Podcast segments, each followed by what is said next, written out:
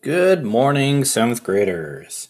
Um, today is my first attempt at a read aloud podcast. I thought since we're doing some online learning, I'm sure you're going to miss the sound of my voice. So I thought uh, I'd find some different passages that I can read out loud to you, and we can try to build more perspective and depth to what we're learning online.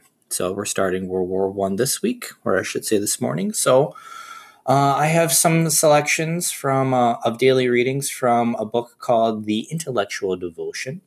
In this volume, it focuses on fascinating history of the United States. Um, the readings offer regular stimulation for the mind, an escape from the everyday worries, and an education in critical realms of historical knowledge. Um, each entry is thorough treatment of a subject and easily digestible in a short setting and perfect for a short read aloud. So, our first one World War One. The American entry into World War I in 1917 marked a significant milestone in the evolution of the, US, of the United States into a world superpower. The war against Germany and the Austro Hungarian Empire was the first time American troops fought in the fields of Europe. It was also the first war to make the use of modern technolo- technological innovations like airplanes, tanks, and chemical weapons. Finally, the decision of U.S. President Woodrow Wilson to seek war marked a huge shift in American foreign policy away from isolationism toward a more active engagement with Europe in world affairs. The war started in Europe in 1914 after the assassination of Austrian Prince Franz Ferdinand. In retaliation for the killing, the Austro Hungarian Empire declared war on the Balkan country of Serbia, which was suspected of harboring the assassins.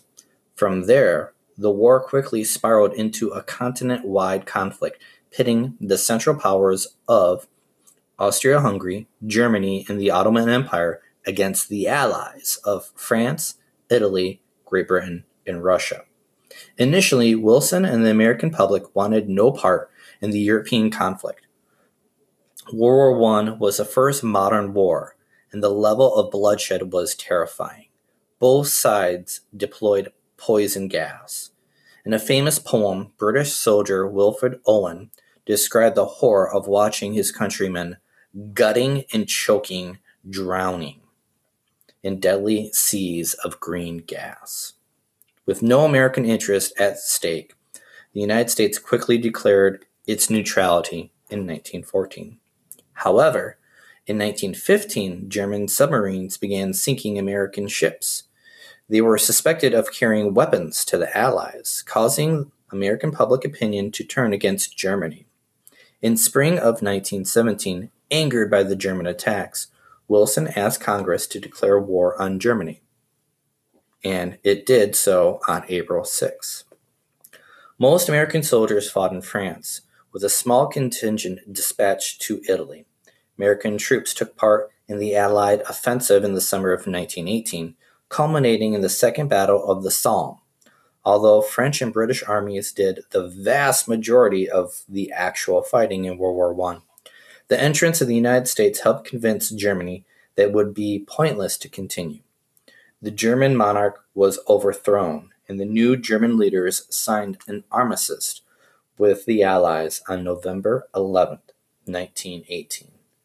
Now the day celebrated as Veterans Day. Well, that's our first reading, seventh grade. If you have any questions about today's um, activity, I believe you're going to be doing some reading and watching um, a video and then answering some questions in the video. Please feel free to email me if you have any questions and have a lovely day.